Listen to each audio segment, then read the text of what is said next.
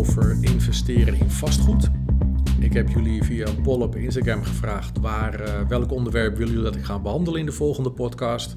De keuze was sales, wat mijn, uh, ook, ja, eigenlijk, ook eigenlijk mijn passie is, uh, of vastgoed. Nou, het was een duidelijke winnaar, vastgoed. Dus dan gaan we het ook niet over sales hebben in deze aflevering.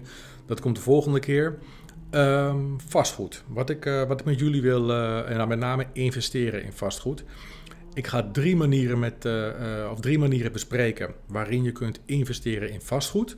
Veel mensen denken dat het, dat het nou gaat om een, dat eigenlijk de enige optie is dat je naar een, eh, een financiële instelling gaat, geld leent en een, eh, een, een eh, object aankoopt, een, bijvoorbeeld een woonhuis of een bedrijfspand, dat je dat verhuurt en dat je op die manier um, rendement kunt maken of huurinkomsten kunt genereren.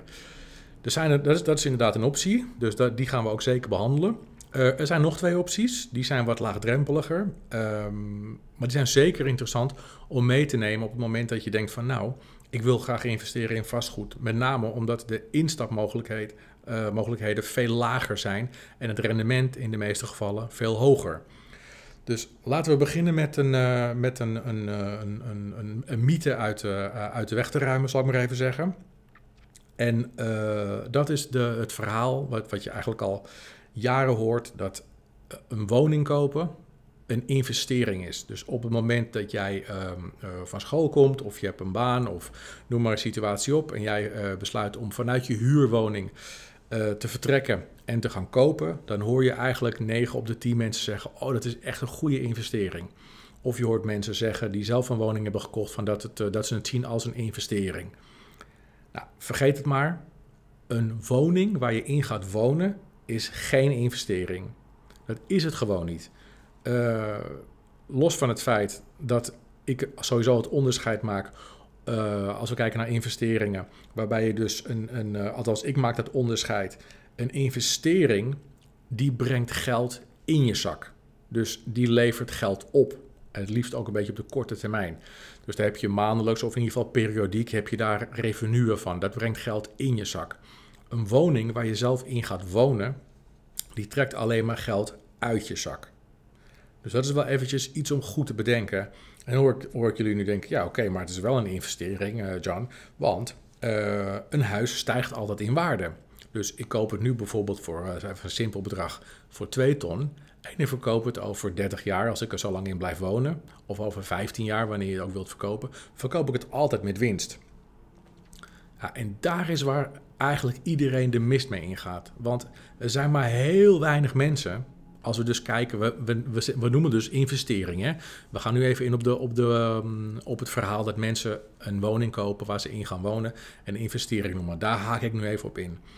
En dan hebben we dus net te horen gekregen dat mensen zeggen: ja, maar ik verkoop het over een tijdje met winst. Dan is het toch een investering, want vastgoed blijft altijd stijgen. Los van het feit dat vastgoed niet altijd blijft stijgen, maar dat is een andere discussie. Kan ik je nu ook al vertellen, en dat is heel makkelijk na te rekenen dat de meeste mensen op het moment dat zij hun woning verkopen, verlies maken. Niet op de aankoopprijs, want die krijg je normaal gesproken in een normale economische periode wel terug. Maar wat heel veel mensen niet meerekenen, en dat moet je wel meerekenen als je mij wil vertellen dat het een investering is. Wat heel veel mensen niet meerekenen, is dat ze om te beginnen, laten we voor het gemak even zeggen dat ze na 30 jaar verkopen, dat ze 30 jaar lang rentekosten hebben betaald. Nou, dan wil je niet eens weten hoeveel dat is. Dat is sky high. Maar zelfs als we die niet meetellen, wat we wel moeten doen, maar voor het voorbeeld tellen we ze even niet mee. Wat denk je van de, van de gerelateerde verzekeringen, de woonverzekeringen die je hebt betaald, die op een koophuis zitten? Zeg dat je vijftientjes in de maand aan verzekeringen betaalt. Dat kan van alles zijn. Uh, levensverzekering, als je bijvoorbeeld een spaarhypotheek hebt, of uh, um, dus ook zelfs als je geen spaarhypotheek hebt. Je hebt vaak een levensverzekering als je een, um, als je een woning uh, aanschaft. Is wel handig, want als jij of je partner het tussenuit piept, is het wel leuk dat de andere partner in het huis kan blijven wonen. Dus dan moet de helft van het huis, minimaal de helft van het huis, afgelost worden uit een verzekering. Anders wordt het een ingewikkeld verhaal om dat in je uppie te dragen. Dus een levensverzekering hangt er bijna altijd bij. Dan heb je nog allerlei andere verzekeringetjes. Uh, potje doorspoelen, uh, um, um, dat, dat spul wat in het gemaal komt. Dat zijn allemaal verzekeringen die hangen aan mensen die een huis hebben. Die een koophuis hebben. Laten we hem laag inzetten. Laten we zeggen dat je 30 jaar lang 15 in de maand betaalt. Dan ben je al gewoon 18.000 euro verder hè, na 30 jaar. 18.000 euro verder. Dan hebben we nog belastingen die erbij horen. Dus je moet sowieso al 18.000 euro op je, op je huis winst maken om alleen die verzekeringen terug te verdienen. Dan hebben we de belastingen. Denk eens aan een, alleen een WOZ. Er zijn er nog veel meer, maar denk eens aan een WOZ. Stel dat je een huis hebt van, uh, nou weet ik veel, uh, ongeveer 3 ton. En dan betaal je ongeveer 800 euro per jaar WOZ. Dat 30 jaar lang is ook al 24.000 euro. Hè? En nogmaals, we hebben de rentekosten, de allerhoogste kosten, nog niet eens meegenomen. Dus alleen als je kijkt naar zeg maar, deze soort zakgeldbedragen, maar dan 30 jaar lang, dan zit je al, even kijken, 18 plus 24 is 30, is 42.000 euro. Moet je al plussen op de verkoop van je huis, wil je alleen je verzekeringen en je WOZ terugverdiend hebben. Ja, dat is doodziek. Oké, maar dan hoor ik nog steeds mensen twijfelen. Dus ik hoop dat je nu al een beetje begint te beseffen van... oh ja, fuck, het is eigenlijk geen investering. Het is gewoon een hele dikke kostenpost, maar ik woon erin en dat is cool. Maar zie het niet als een investering. Maar goed, ik heb nog meer. Uh, dan hoor ik zeggen, ja, maar John, uh, 42.000 euro, oké, maar huizenprijzen stijgen altijd. Dus het kan toch wel, het, het is dan alsnog, zie ik het nog als een investering. Ik hoor het mensen gewoon zeggen. Als je gaat kijken naar de stijgende huizenprijzen door de jaren heen, en dan heb ik het niet over tien jaar, maar echt, echt laten we zeggen vanaf de oorlog zo ongeveer, dan, is die, dan valt die waardestijging van die huizen ook wel mee. Je hebt het misschien over een paar procent, nog niet eens, vanaf 1940 tot nu. Waar mensen namelijk de mist mee ingaan als ze dit uitrekenen, is dat ze kijken naar de vierkante meterprijs. Dus ze zeggen ja, de vierkante meterprijs. Eerst kijken ze naar het, eh, gewoon het huis. Ja, vroeger was, kon je een huis kopen voor 20.000 euro, John, en nu voor 2 ton. Ja, dat klopt. Maar die huizen van toen die waren ook een stukje kleiner. Dus dat is niet helemaal fair. Ik, uh, ik weet nog in het huis van mijn oma kon ik, uh, kon ik mijn kont niet keren. En nu woon ik in een huis waar ik in kan fietsen. Dus dat, zijn wel, dat is ook een huis. Het zijn allebei huizen. Maar de huizen zijn steeds, steeds groter geworden. Ik denk dat we dat met elkaar eens zijn. Er is ook steeds meer grond bijgekomen. Dus um, zeggen van ja, een huis kostte vroeger 20.000 euro en nu 2 ton, die gaat niet helemaal op als je dan denkt dat, dat de huisprijzen maal 10 zullen gaan. Uh, waar je beter naar kunt kijken is de vierkante meterprijs. En dan zullen ook heel veel mensen zeggen, ja, of misschien wel iedereen, ja, maar Jan, die is toch ook heel hard gestegen de afgelopen 100 jaar of afgelopen 80 jaar. Ja, dat klopt, die is zeker heel hard gestegen. Maar weet je wat er nog harder is gestegen? De inflatie. Dus het is logisch dat die vierkante meterprijzen hard omhoog zijn gegaan. Of in ieder geval stevig omhoog zijn gegaan. Maar dat, is, dat zijn gewoon puur inflatiecorrecties geweest. Er is helemaal niet zo gek veel aan de hand met die, met die vierkante meterprijzen. Die inflatie is ongeveer, maar misschien nog wel harder gestegen. Dus stel in het allerbroedste geval, het lukt je om over 30 jaar, je koopt nu een huis en je denkt dat het een investering is en je verkoopt hem over 30 jaar. Dan moet je heel, heel, heel, heel, heel blij zijn als je al deze kosten in acht nemende, moet je heel blij zijn als je misschien 1 of 2 procent winst hebt gemaakt. Ja, ik vind dat geen investering over 30 jaar. Dat gaat er helemaal nergens over. Ik, vind dat, ik, ik zie het niet eens als een investering. Dus laten we dat in ieder geval even uit de weg geruimd hebben. Dan kunnen we nu door naar de opties. Wanneer is het dan wel een investering? Want we willen gaan investeren in vastgoed. Dat is de reden van deze podcast. Dus we hebben drie opties. De, de, de optie waar de meeste mensen uh, zich op blind staren, is een, een huis kopen, zeg maar een, of een object, maar laten we het gemak van een huis kopen of een appartement, en dat gaan verhuren.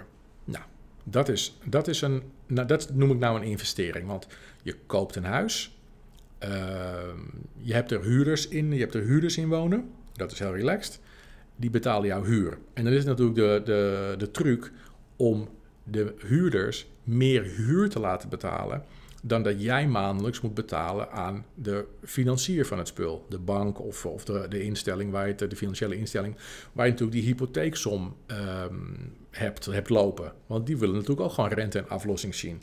Nou, en dan uh, wordt het in één keer interessant. ik had laatst al een post op, uh, op Instagram, waarbij ik, ik gaf persoonlijk aan dat je het beste eerst met je bank kon gaan praten ik, mijn ervaring is dat die gasten gewoon de meeste kennis hebben. En die interesseert het ook helemaal geen moer of jij nou wel of niet dat object koopt, dat, dat, die woning. Zij verkopen die dingen aan de lopende band. Zij sluiten aan de lopende band hypotheek af. Dus mijn ervaring is dat zij over het algemeen uh, fair zijn. Maar je hebt natuurlijk ook een hele hoop, en daar kwam onderhand een leuke discussie uit. Je hebt ook bedrijven, uh, wat meer de wat kleinere financiële instellingen, die zeggen: nee, je moet het niet via een bank doen, je moet het via ons doen, want wij kunnen het veel sneller accorderen, wij zijn veel minder streng, et cetera. En daar zit voor mij ook gelijk de crux. Ik heb het uitgezocht en uh, ik begrijp wel waarom zij zeggen: van je kunt het beter via een van die kleinere instellingen doen. Er zijn een paar voordelen. We moeten het, we moeten het eerlijk tegen elkaar uh, kunnen afwegen. Als je naar een bank gaat, dan gaat de bank jou screenen. Ik zie dat als een voordeel, maar zij zien het natuurlijk als een, uh, een slecht onderdeel van een bank, want zij screenen jou minder goed. Als je naar een bank gaat, dan zal een bank ook een hoger aanbetalingsbedrag vragen voor de hypotheek. Een bank zal zeggen, uh, Johnny, laten we moeten even een bedrag nemen wat een beetje handig te rekenen is. Laten we weer die 2 ton nemen. Nee, laten we 3 ton nemen. Ik zeg, nou, meneer de bank, ING of ABN, ik wil graag een, een hypotheek. Want ik wil, een, uh, ik wil het huis gaan kopen voor de verhuur. Nou, dan zeggen zij, uh, oké, okay, uh, verdien een beetje? Ja, ik verdien een beetje, oké. Ehm, je moet sowieso, je komt in aanmerking voor die drie ton, maar je moet wel, het was 20% altijd, maar ze zitten nu iets hoger. Laten, zeggen dat, laten we zeggen dat ze nu zeggen, je moet 30% aanbetalen. Oké, okay, 30%, dan zit ik ongeveer op een ton die ik dus moet aanbetalen als ik een hypotheek van 3 ton wil. Nou, is ferm, is best stevig. Uh, maar goed, laten we zeggen dat dat lukt. En dan vervolgens uh, neem ik zo'n hypotheek en dan moet ik ongeveer 2% uh, eh, rente betalen en natuurlijk nog een stukje aflossing. Oké, nou, dan zullen zij mij vragen, hoeveel ga je dat dan verhuren? Zeg ik, nou, voor ongeveer 1000 euro. Nou, Oké, prima. Dan heb je een gedeelte aflossing en een gedeelte rente. Laten we zeggen dat dat 600 euro is. zeg 700 euro. En uh, John, jij verhuurt het voor 1000 euro, dus heb je 300 euro winst in de maand. Laat ik zeggen, we zeggen bruto winst in de maand. Ga misschien even wat kosten af. Bruto winst in de maand. Oké, nou prima. Uh, dat noemen we de cashflow. Dus je trekt de cashflow uit. Iedere maand zeg je, trek je zeg maar, de cashflow uit je huurders. Zij zorgen ervoor dat jij iedere maand 300 euro hebt. Nou, dat vind ik een, uh, dat vind ik een, uh, een goed verhaal. En die rente is relatief laag. Komt in de buurt van, van je, gewoon de, de hypotheekrente die je betaalt voor, een, uh, zeg maar voor je woonhuis. Ook al is dit een beleggingsobject. Oké, nou mooi. Dan, uh, het is, allemaal streng gegaan. Het gaat natuurlijk allemaal niet, niet zo makkelijk en niet zo snel bij een bank. Laten we eerlijk zijn. Het zijn niet de meest, meest flexibele figuren en ze zijn ook niet super snel. Maar dat geeft allemaal niet. Aan het einde van de rit is het over het algemeen wel goed geregeld. Prima. Dan gaan we dit afzetten tegen een financiële instelling. Ehm, en dan zal ik je ook meteen vertellen waarom ik daar dus persoonlijk niet zo snel voor zou kiezen. Het voordeel van een financiële instelling, ze zijn veel sneller. Ze zijn veel sneller. Dus uh, ze schakelen veel sneller. Er hangt niet een heel apparaat achter van tig mensen die er allemaal een plasje over moeten doen. Misschien heb je mazzel en zit je zelfs al met degene die, die overal krabbels onder moet zetten. Zit je misschien wel aan tafel tijdens je gesprek. Dus dat is een voordeel. Ze schakelen sneller. Op het moment dat er een krabbel is gezet of een offerte is gedaan, heb je veel eerder je huis dan dat het bij een bank uh, gaat. Dat doet allemaal wat langer. Maar er is nog een groot voordeel. Uh, onze vrienden van de kleinere instellingen, die vragen ook een lagere aanbetaling. Die zullen misschien 20% aanbetaling vragen. Uh, en dat is positief, want dat betekent dat we dus geen ton hoeven neer te leggen, maar dat we veel minder hoeven neer te leggen. In dit geval ongeveer 60, 70.000 euro. Nou, dat, is, dat, dat scheelt een hele hoop als je zo'n aanbetaling op, op tafel moet leggen. Dus dat is nog een heel groot voordeel. Ehm en, en het andere voordeel is dat je waarschijnlijk ook iets sneller met ze kunt schakelen tijdens de koop. Dus je komt niet onderaan een stapel. Ik denk dat het allemaal iets persoonlijker is. Ik heb er geen ervaring mee, maar dat is een aanname die ik doe. Oké, nou, dat klinkt ook nog allemaal goed. Maar dat is een grote vraag. Maar Jan, waarom zou jij dan alsnog voor een bank kiezen? Nou, en dat is heel simpel. Die kleintjes, tussen haakjes die kleintjes, die vragen een shithoog rentetarief. Vaak boven de 5%. Ja, kijk, en dan kom je gelijk bij de grote voordelen van um, investeren in vastgoed. En de hekel die ik heb aan een hoog rentetarief, dat is voor mij een hele, hele, hele dikke no-go. Je gaat investeren in vastgoed om twee redenen. A, je cashflow, die we net hebben besproken. Je wil maandelijks het verschil tussen de hypotheek en de rente die jij betaalt en hetgeen de huurder aan jou betaalt, dat wil je dat zo groot mogelijk is. Want dan wil je zoveel mogelijk gaan overhouden. Die cashflow, die wil je namelijk gaan gebruiken om te herinvesteren. Je wil dat geld voor jou gaat werken. Het liefst geld waar je niet voor hebt hoeven werken. En dit is letterlijk rendement. Dus hoe fijn is het om je rendement, dus die cashflow, aan het werk te zetten? En dan kun je het op een andere manier herinvesteren, maar er zijn mogelijkheden om daar rendement op te krijgen. We kennen allemaal aandelen, we kennen P2P. Uh, eh, misschien wil je op een termijn eh, gaan investeren in een start-upje, weet ik veel. Maar in ieder geval, je wilt het herinvesteren. Dus die cashflow is heel belangrijk, dat die zo hoog mogelijk is. Dat verschil tussen wat je betaalt en wat je ontvangt. En hoe hoger de rente is, hoe, hoe, hoe minder cashflow je natuurlijk hebt. Want je betaalt je helemaal surf aan rente. Je moet natuurlijk aflossing dokken, maar die rente is ook moeilijk. Dus dat is voor mij al een hele dikke no-go. Het tweede wat belangrijk is, is op het moment dat jij uh, investeert in vastgoed. Het is een soort twee-sporen-beleid, noem ik het altijd maar. Naast de cashflow is het natuurlijk ook heel gaaf dat die mensen die in het huis wonen, jouw hypotheek afbetalen. Dus er komt aan het einde van de looptijd, laten we voor het gemak weer even zeggen 30 jaar, komt er een woning uh, uh, vrij, zal ik maar even zeggen. Er komt een som vrij van een afgelost huis. En het mooie is dat jij hebt dat niet afgelost. Dat hebben die mensen die in het huis wonen voor jou afgelost. Want jij bent die hypotheek aangegaan, maar zij betalen die huur. En die huur is hoger dan de hypotheek. Dus niet alleen je huis is afgelost, maar je hebt ook nog die cashflow waar we het net over gehad hebben. En dat is zo interessant aan investeren in vastgoed. Maar dan heb ik het eventjes uitgezocht. Ehm, want ik, ik, heb, ik heb het uitgedokterd, want ik dacht ook van, nou, misschien toch eens kijken naar zo'n andere partij. Ik ben altijd in gesprek met banken, met grootbanken, ABN of ING. Laten we eens kijken hoe wat die kleintjes dan doen. Je gaat nu een beetje mijn mouse uh, horen, denk ik, want ik heb het uitgezocht op het internet. En ik ga even naar die website om te kijken wat eruit is gekomen. Ja, nou, ik ga niet de naam noemen van, uh, van de financier in dit geval, natuurlijk niet helemaal chic. Maar het is wel een van de partijen die werd genoemd uh, op die, onder die Instagram-post.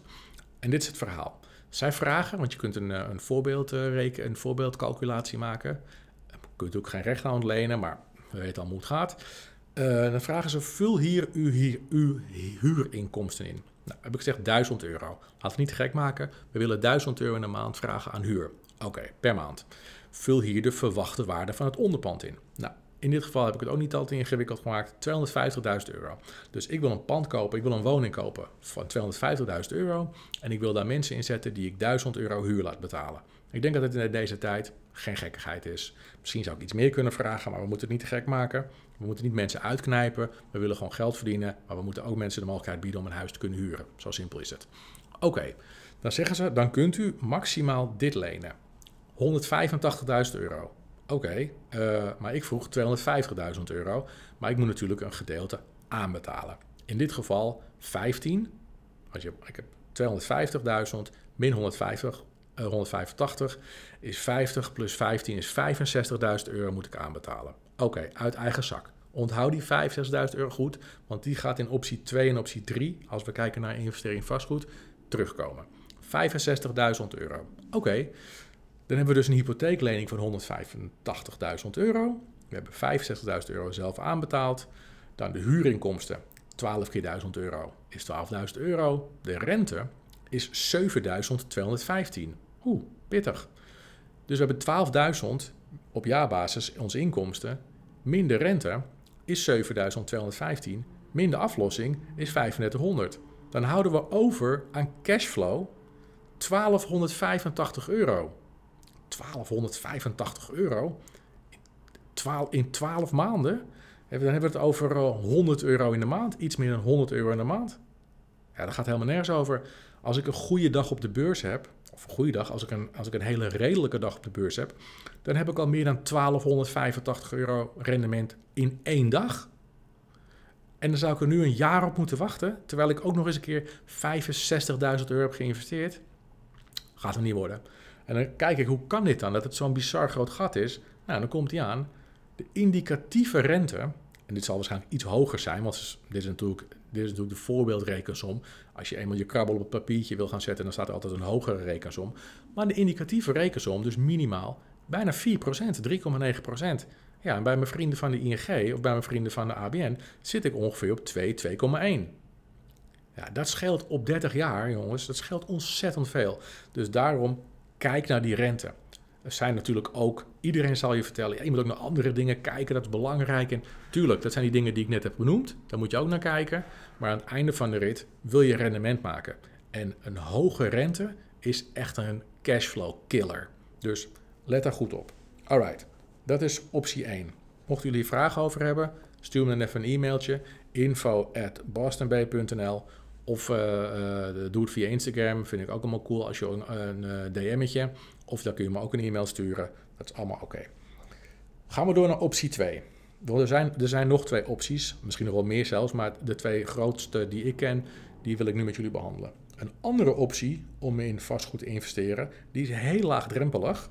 En dat is via een platform als Estate Guru. EstateGuru.co, dat is de website. Die, uh, dat is een soort van crowdfunding situatie. Dus het is een bedrijf uit, uh, voor mij uit mijn hoofd, Letland. Daar zitten al die, uh, al die finance, die fintech bedrijven. En in die hoek in ieder geval. En zij doen het als volgt. Zij zeggen, jongens, wij kopen een pand aan. Had voor het gemak weer even zeggen, van 2 ton. Je ziet ook alles, je ziet de foto's, de contracten, het hele verhaal. En zij hebben een soort community. Jij hebt je account bij Estate Guru. En jij zegt van, hé, hey, dat is een mooi pand. Voor, tweede, voor twee ton gekocht, jongens, goed gedaan. En zij zeggen nu, doe je mee? Wil je meedoen? Wil je participeren in dit investeringsmodel? Dan zeg je, nou oké, ik wil het wel. Uh, laten, we, laten we gewoon laag beginnen. Je moet er een beetje aan elkaar snuffelen eerst. Kijken of het een leuke partij is. Doe maar, 1000 euro, boom. En dan staat er dus al meteen onder hoeveel rendement je krijgt op die 1000 euro. In dit geval 12% Dus in plaats van die 65.000 euro uit voorbeeld 1 die we hebben moeten ophoesten, leggen we nu 1000 euro in en is ons rendement 120 euro. Want we krijgen 12% rendement. Dus ik denk niet dat die helemaal landt bij iedereen. Daarom zeg ik nog een keertje. We hebben net 65.000 euro geïnvesteerd. We betalen ons helemaal scheel aan rente. En we krijgen ongeveer 1200 euro op jaarbasis aan cashflow. Dus dat is 120 euro per maand. We hebben nu een tweede situatie dat we geen 65.000 euro investeren, maar 1000 euro. En we hebben weer 120 euro. Maar nog op jaarbasis, maar we hebben weer 120, zeg maar 12 euro. Maar dat is dus 10 keer zo weinig. Maar de investering is 65 keer zo laag.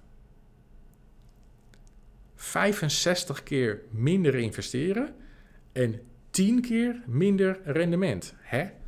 Dat sommetje is denk ik snel gemaakt.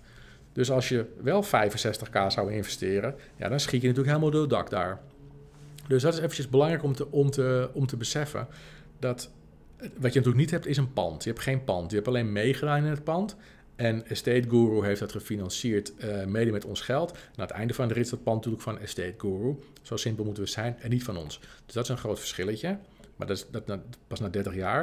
Maar dit is dus een groot verschil. Je kunt dus op een, met een lage instap kun je al investeren in, um, in vastgoed door middel van een platform als bijvoorbeeld Estate Guru. Ik adviseer niks, doe je huiswerk, maar ik weet in ieder geval dat dit platform uh, bestaat. Oké, uh, dan hebben we nog een optie. Dat is een optie uh, die ik opnieuw. Ik mag nooit advies uitbrengen, dat weten jullie. Ik, heb wel, ik investeer wel zelf via Estate Guru, daar ben ik ook gewoon eerlijk in. En ik investeer ook in optie 3. En optie 3 heb je te maken met REITs. Dat is een, dat is een Amerikaanse term voor Real Estate Investment Trust. En uh, wat je daarmee doet, dat zijn bedrijven die hebben verschrikkelijk veel vastgoed in hun portefeuille. En die geven, ja, dat noemen ze dus, dat zijn dus REITs, maar die, kun je kopen als aandelen. Dus je kunt bijvoorbeeld zeggen, je hebt bijvoorbeeld de Realty Income is er eentje. En LTC is er eentje. Je kunt ze gewoon op de beurs, bijvoorbeeld via de Giro of Bink of waar, of waar je dan ook zit met je rekening, kun je gewoon intikken bijvoorbeeld de realty income. Dan zie je staan dat die ongeveer 50 dollar kost. En dan koop je hem en dan krijg je per maand dividend uitgekeerd. Dus dat is wel een hele geestige constructie als je op zoek bent naar een tweede inkomstenstroom. Het lijkt dus een beetje op de huur die je ontvangt. Het is een iets lager bedrag natuurlijk. Maar het lijkt een beetje op de huur die je ontvangt maandelijks. Alleen nu ontvang je maandelijks dividend. Vet geestig. En zo genereer je wel een bepaalde cashflow. Nogmaals, het zal, uh, je moet wel even serieus aan de gang. Wil je 120 euro dividend per maand vangen op een REIT? Want dan moet je wel echt uh, een hele hoop van die REITs hebben aangeschaft.